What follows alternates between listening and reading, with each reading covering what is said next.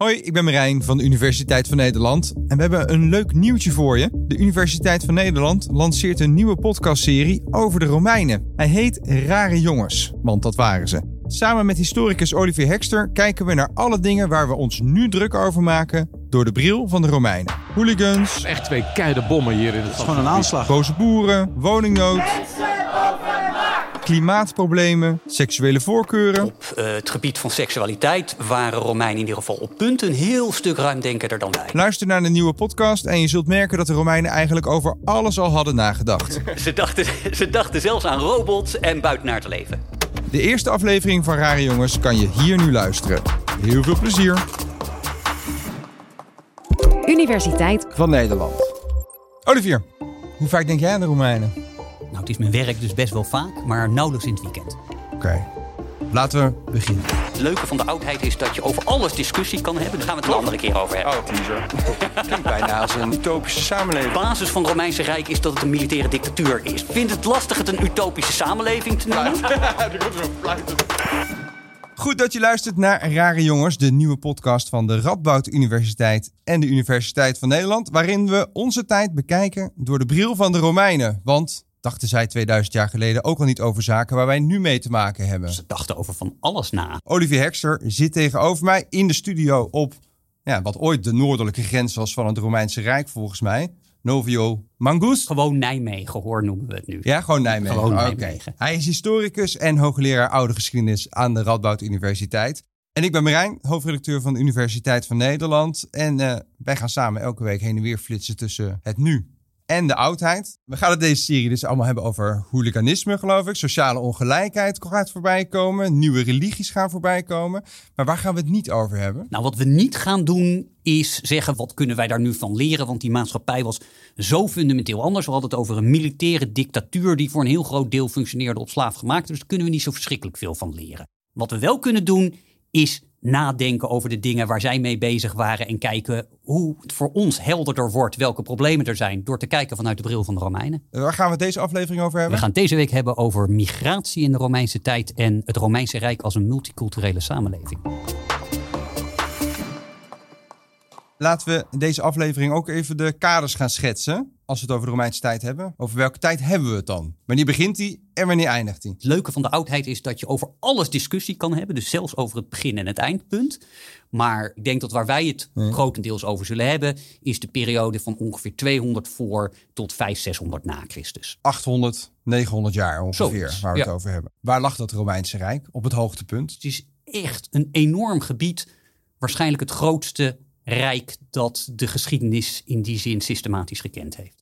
Het Romeinse Rijk is, is gecentreerd rond de Middellandse Zee. Die noemen ze ook Mare Nostrum, onze zee. Daaromheen gaat het, maar dat gaat er heel ver vandaan. In het noorden gaat dat Romeinse Rijk tot Zuid-Schotland, de muur van Hadrianus. En deze streken hier. En dan zo langs de Rijn verder. En dan langs de Donau loopt het door tot ver in Syrië, Egypte.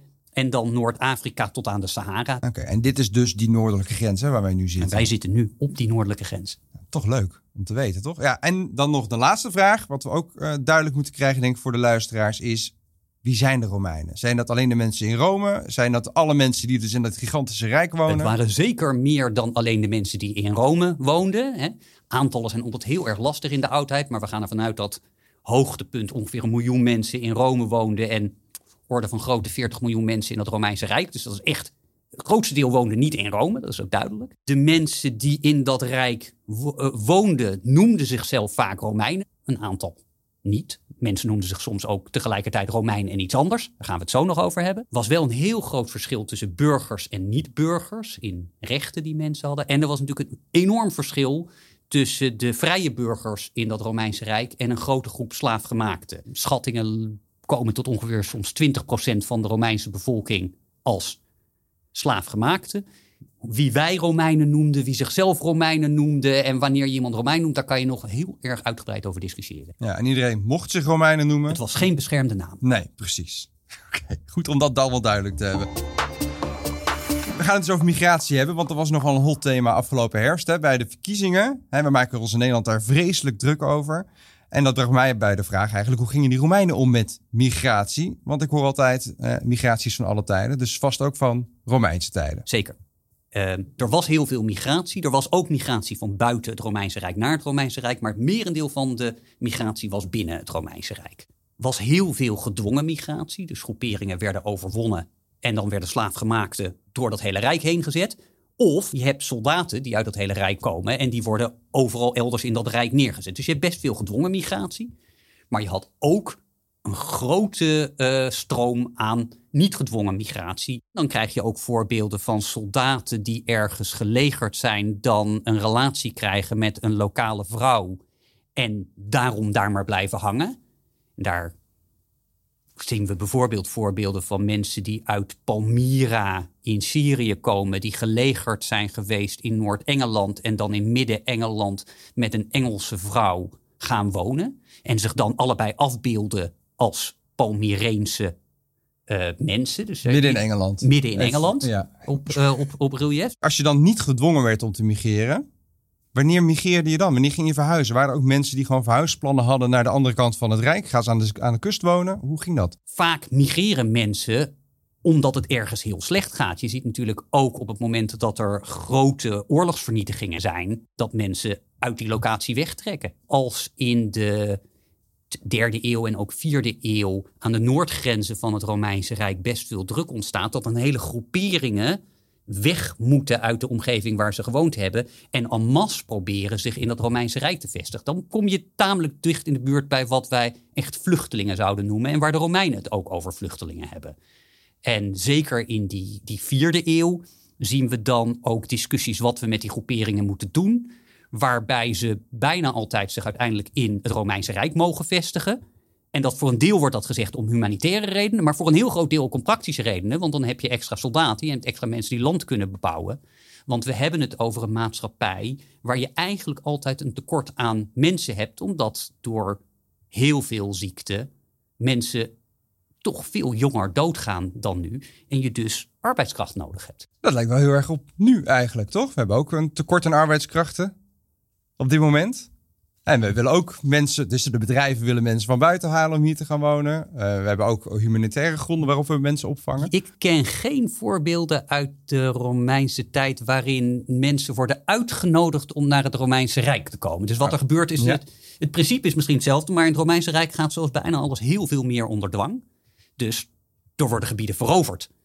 En de voorbeelden die ik noemde, dus uit die vierde eeuw, zijn mensen die het zelf zo problematisch hebben dat ze dat rijk in proberen te komen. En dan is er altijd een reactie vanuit Rome met twijfel van wat we daarmee moeten doen. En als die groot te groot wordt, krijg je discussie. Maar het bewust mensen importeren, uh, nou ja, dat gebeurt dan wel, maar dan onder dwang. Was er een systeem wat mensen die binnenkwamen tegenhield of juist even checkte of ze wel goed waren voor de samenleving? Romeinen hadden geen paspoort. Dus uh, in dit enorme rijk kon je je binnen dat rijk heel lang vrij bewegen. Dus wij denken over een enorm goed geregeld rijk. Vaak weten we dat mensen gemigreerd zijn omdat ze een grafsteen hebben neergezet waarin ze zeggen waar ze oorspronkelijk vandaan komen. En dan weten we dat ze oorspronkelijk ergens anders vandaan kwamen. Van buiten het rijk konden individuen, voor zover wij weten, vrij makkelijk binnenkomen. Hele grote groepen soldaten, daar werd wat aan gedaan. Maar losse individuen konden in principe dat rijk ook binnenkomen. En je hebt natuurlijk heel lang de idee gehad dat Rome zo'n rijk is met hele sterke, strakke grenzen. Nou, onderzoek van de afgelopen twintig jaar heeft duidelijk gemaakt dat dat echt niet klopt.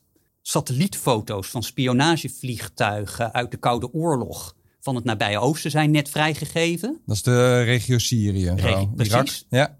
En je kan van daaruit heel goed traceren waar de forten en de bewakingsposten, dus de harde grenzen van het Romeinse Rijk in het oosten lagen. En als je kijkt hoe die neergezet zijn, die zijn helemaal niet op één lijn, die zijn helemaal niet op de plaatsen waar je goed strategisch de boel dicht kan houden. Die zijn heel duidelijk opgericht om handelsverkeer te bevorderen.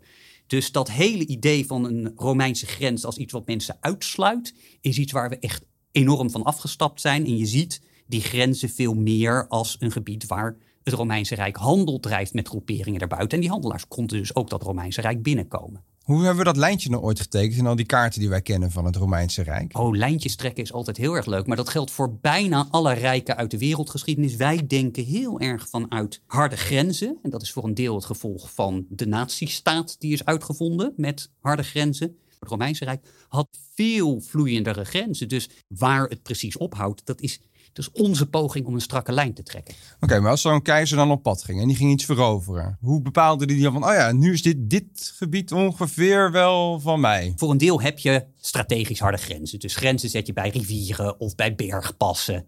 En dat is duidelijk. Daar heb je ook iets wat best een duidelijke lijn is. Hier, hier houdt het op. Maar vervolgens, die mensen die daar net aan de andere kant wonen en die daar handel gaan drijven, wat, wat, wat doen die? Horen die erbij, horen die er niet bij? Uh, de handelscontacten van het Romeinse Rijk die waren enorm. Er is uh, prachtig onderzoek wat muntschatten, dat zijn dus uh, munten die bij elkaar gevonden zijn omdat ze ooit zijn begraven en nooit meer zijn opgegraven, in kaart brengt. En daar zie je dat tot ver in Denemarken en ver in India en Afghanistan Romeinse munten gevonden zijn. Dus die maken duidelijk dat dat handelsverkeer veel verder ging dan die, die grenzen. Dus je hebt soort strategische plaatsen. De muur van Hadrianus, waar je zegt, nou hier houdt het op. Dat is vaak ook symbolisch. Hier, tot hier kunnen wij echt verdedigen. Maar in praktijk is er altijd een overgangsgebied. Die grenzen die waren dus veel opener dan wij eigenlijk nu grenzen hebben aan de buitenkant van de Europese Unie bijvoorbeeld. Zeker. Dus zolang, zolang je niet met heel veel gewapende mannen probeerde erin te komen, waren die grenzen tamelijk open. Omdat het zo'n open samenleving was, kan ik me voorstellen dat er allerlei soorten mensen binnenkwamen. Andere achtergronden, andere huidskleuren, uh, andere religies misschien ook wel. Hoe werd er omgegaan met al die verschillende mensen binnen dat rijk. Wat dat betreft kan je het Romeinse Rijk zonder enige twijfel een multiculturele samenleving noemen. Dat is een lastige term, want de Romeinen zeiden altijd dat zij heel Romeins waren. Dus wat dat betreft is het monocultureel. Maar die Romeinsheid die veranderde in de loop der eeuwen enorm en dat was volkomen probleemloos.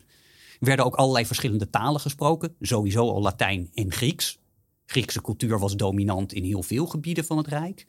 Dan kan je nog het verschil maken tussen wat er gebeurde in de stad Rome en in allerlei andere regionen. Maar in alle gevallen heel veel gemengdheid. En natuurlijk waren er ook in de Romeinse tijd mensen die daar problemen mee hadden. Dus we hebben een paar uh, eerste eeuwse en tweede eeuwse auteurs die enorm losgaan over hoe verschrikkelijk het is dat al die Grieken nu in Rome wonen en hoe het stinkt nu ze daar al een kampvuurtje stoken.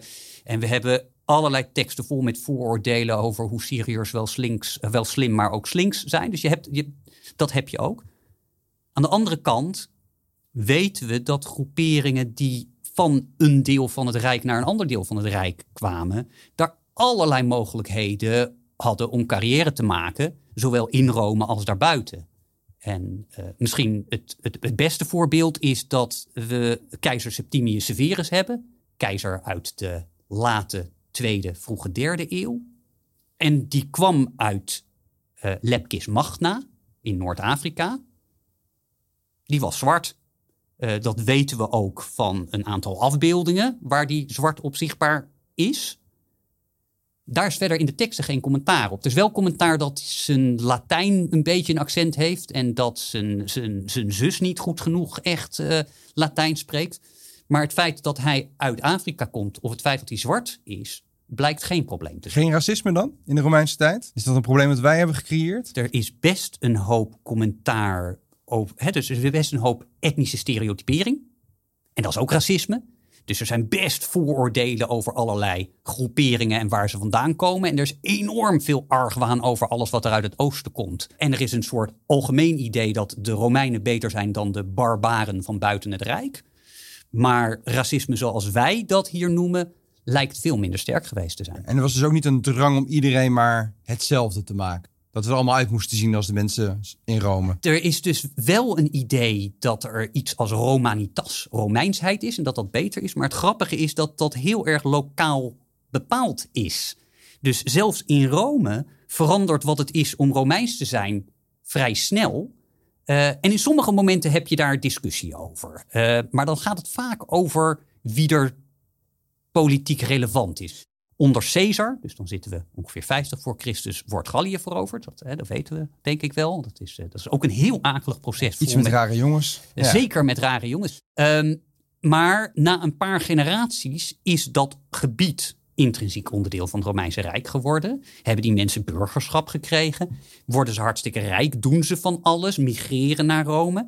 En dan willen ze ook allerlei rechten krijgen. En we hebben uh, onder keizer Claudius, ongeveer 40 na Christus, grote discussie of deze mensen nu ook lid van de Senaat allerhoogste politieke orgaan van Rome mogen worden.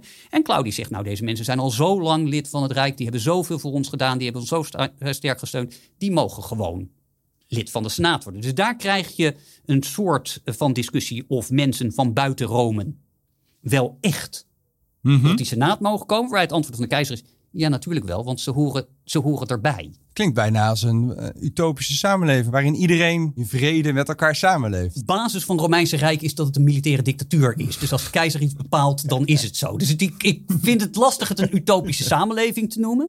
Wat je wel ziet, is dat dus omdat het geheel als één Romeins Rijk gezien wordt, er veel meer ruimte is om meerdere culturen naast elkaar te laten hebben. En dat zie je in Rome, dat zie je ook er, erbuiten. Als je zeker bijvoorbeeld in Noord-Afrika kijkt, waar je ook Romeinse steden hebt. Daar heb je inscripties waarin Romeinse burgers, iemand als Gaius Julius Getulus, die daar een belangrijke rol in de keizercultus heeft, zich op een inscriptie tegelijkertijd Keti, zoon van Maswalat noemt. En dan heb je dus een tweetalige inscriptie in het Latijn en in het, eh het Neopunisch. Dus je, je merkt dat overal in het Rijk het mogelijk is om die verschillende identiteiten naast elkaar te houden, zonder dat daarmee het idee kwam dat je niet een echte Romein was. Hoe kan het nou dat het toen zo anders ging met migratie, eh, binnengrenzen, met multiculturaliteit eh, dan nu? Heel belangrijk als je over Rome nadenkt, is dat Rome volgens haar eigen mythologie. Het is begonnen met Romulus en Remus en één zo'n stad die gesticht is. Maar die stad is volgens het eigen verhaal van de Romeinen gesticht als een asiel voor vrijgelatenen en rovers en iedereen die daar maar bij wilde horen om uit te breiden. En dus het hele idee dat je mensen van buiten bij elkaar bracht om sterker te zijn, is iets wat heel erg bij dat Romeinse zelfbeeld paste. Dus dat Romeinse idee van wat het is om Romeins te zijn, was vanaf het begin veel opener en flexibeler. En alles wat werkte kon je meenemen. Dus het idee dat je door groeperingen van buiten erbij te betrekken sterker was, is echt intrinsiek onderdeel van het Romeinse denken. Dus dat is een belangrijke reden waarom daar anders over gedacht wordt. Ook een groot verschil is dat er een bewustzijn in die Romeinse wereld was dat je altijd mensen nodig had. Want er gingen gewoon heel veel mensen dood en er moest arbeid verricht worden. Als je bezig bent een reëel deel van je tijd slaafgemaakte te importeren om simpelweg je economie draaiende te houden, dan was je je echt wel bewust dat die mensen van overal naar die grote steden moesten komen. Dus dat maakt het ook duidelijker dat je die migratie nodig, nodig had. En uiteindelijk is het verschil tussen het Romeinse Rijk toen en West-Europa nu er natuurlijk ook eentje van een gebrek aan natiestaat. Het Romeinse Rijk was echt een enorm rijk vol met verschillende volkeren daarin. Maar het idee dat je een heel klein land had met een eigen identiteit, dat past daar helemaal niet bij. En wat dat betreft valt het Romeinse Rijk beter te vergelijken met het Amerika van nu. Waar je natuurlijk binnen Amerika ook zonder paspoort je kan vestigen waar je maar wil. En er een heel duidelijk idee is dat je zowel Italiaanse achtergrond als Amerikaan kan zijn en dat dat te combineren valt. Dus dat is misschien een makkelijkere vergelijking om te zien waarom dat zo anders werkt dan nu. Voordat we gaan afronden, hebben we nog wel een rubriek. Iedere week mag een luisteraar iets verzinnen wat er, waar de Romeinen nog niet over hebben nagedacht. Ja? En voor deze eerste aflevering hadden we natuurlijk nog geen luisteraars. Dus ik heb de hulp ingeroepen van de redactie van de Universiteit van Nederland. AI, dus kunstmatige intelligentie. Daar hadden de Romeinen vast nooit over nagedacht, toch? Groetjes van Tuur. De AI, daar heeft, hebben ze vast nooit over nagedacht dat zoiets zou kunnen bestaan. Romeinen hebben over heel veel nagedacht. Maar voor deze ga ik naar de oude Grieken. Die vielen onder dat rijk, toch? Die, hebben we net die, besproken. die waren veroverd, Ja. dus dat mag. Eh, en de, misschien wel de beroemdste oude Griek is Homerus. Die zou zo rond de 8e eeuw voor Christus geleefd hebben. Dus precies dat het Romeinse Rijk begint te ontstaan. Dus dat mag net. En die heeft twee beroemde werken, de Ilias en de Odyssee, geschreven. En daarin benoemt hij expliciet honden die kunnen functioneren. Gouden en zilveren honden die echt kunnen bewaken en kunnen handelen als honden. En zelfs eh, mensen, meisjes van goud en zilver, die als bedienden kunnen optreden. omdat ze door de god Hephaistos gemaakt zijn en zelf kunnen nadenken. Hij Dus had daar de we- robot al bedacht? daar hebben we de automaton, daar hebben we echt de robot die bedacht is. Die zijn natuurlijk niet uitgevoerd. Dus je kan, waar Romein over nadenken is één ding. Wat ze hadden is iets anders. Ehm, wat misschien het dichtste in de buurt komt met wat Romeinen echt hadden. Dat is iets wat iedereen die de laatste Indiana Jones heeft gekeken inmiddels kent. Dat is het mechanisme van Antikythera, waar die hele film over gaat. Dat heeft echt bestaan. Wat is dat? Dat is een soort mechanisch object waarmee je astronomische berekeningen kan uitvoeren. Dus dat kon je dan, dan kon je aan allerlei hendeltjes draaien en dan kwam eruit wanneer de volgende zonsverduistering of de volgende eh, maansverduistering En dat waren kwam. voorspellingen of waren er echt berekeningen? Dat, dat waren berekeningen die tot een voorspelling leidden. Dus dat is niet echt artificial intelligence. Het is niet echt een computer, maar het komt er tamelijk dichtbij. Nou, het lijkt op een algoritme volgens mij. Dat komt, komt, komt, er Toch? ta- komt er tamelijk dichtbij. En dat is gevonden in een Romeins schip. Gemaakt waarschijnlijk door een Griek uit Rodos. Maar die Griek zal zich misschien wel een Romein genoemd hebben. Nou, Olivier, dankjewel. Ik had het nooit gedacht dat ze over AI hadden nagedacht. Die Romeinen. Nou, dit was de eerste aflevering van Rare Jongens. Nou, hartstikke leuk. Luister je nou in het kanaal van de Universiteit van Nederland, dan verwijs ik je door naar het Rare Jongens podcast kanaal. Daar staat de volgende aflevering al klaar. En we gingen hier ook weer over, Olivier. Romeins voetbalgeweld. Wat? Zeker. Nou, dat wil je horen. Vergeet je niet te abonneren, dan hoor je die aflevering met Olivier en mij vanzelf weer langskomen. Tot gauw.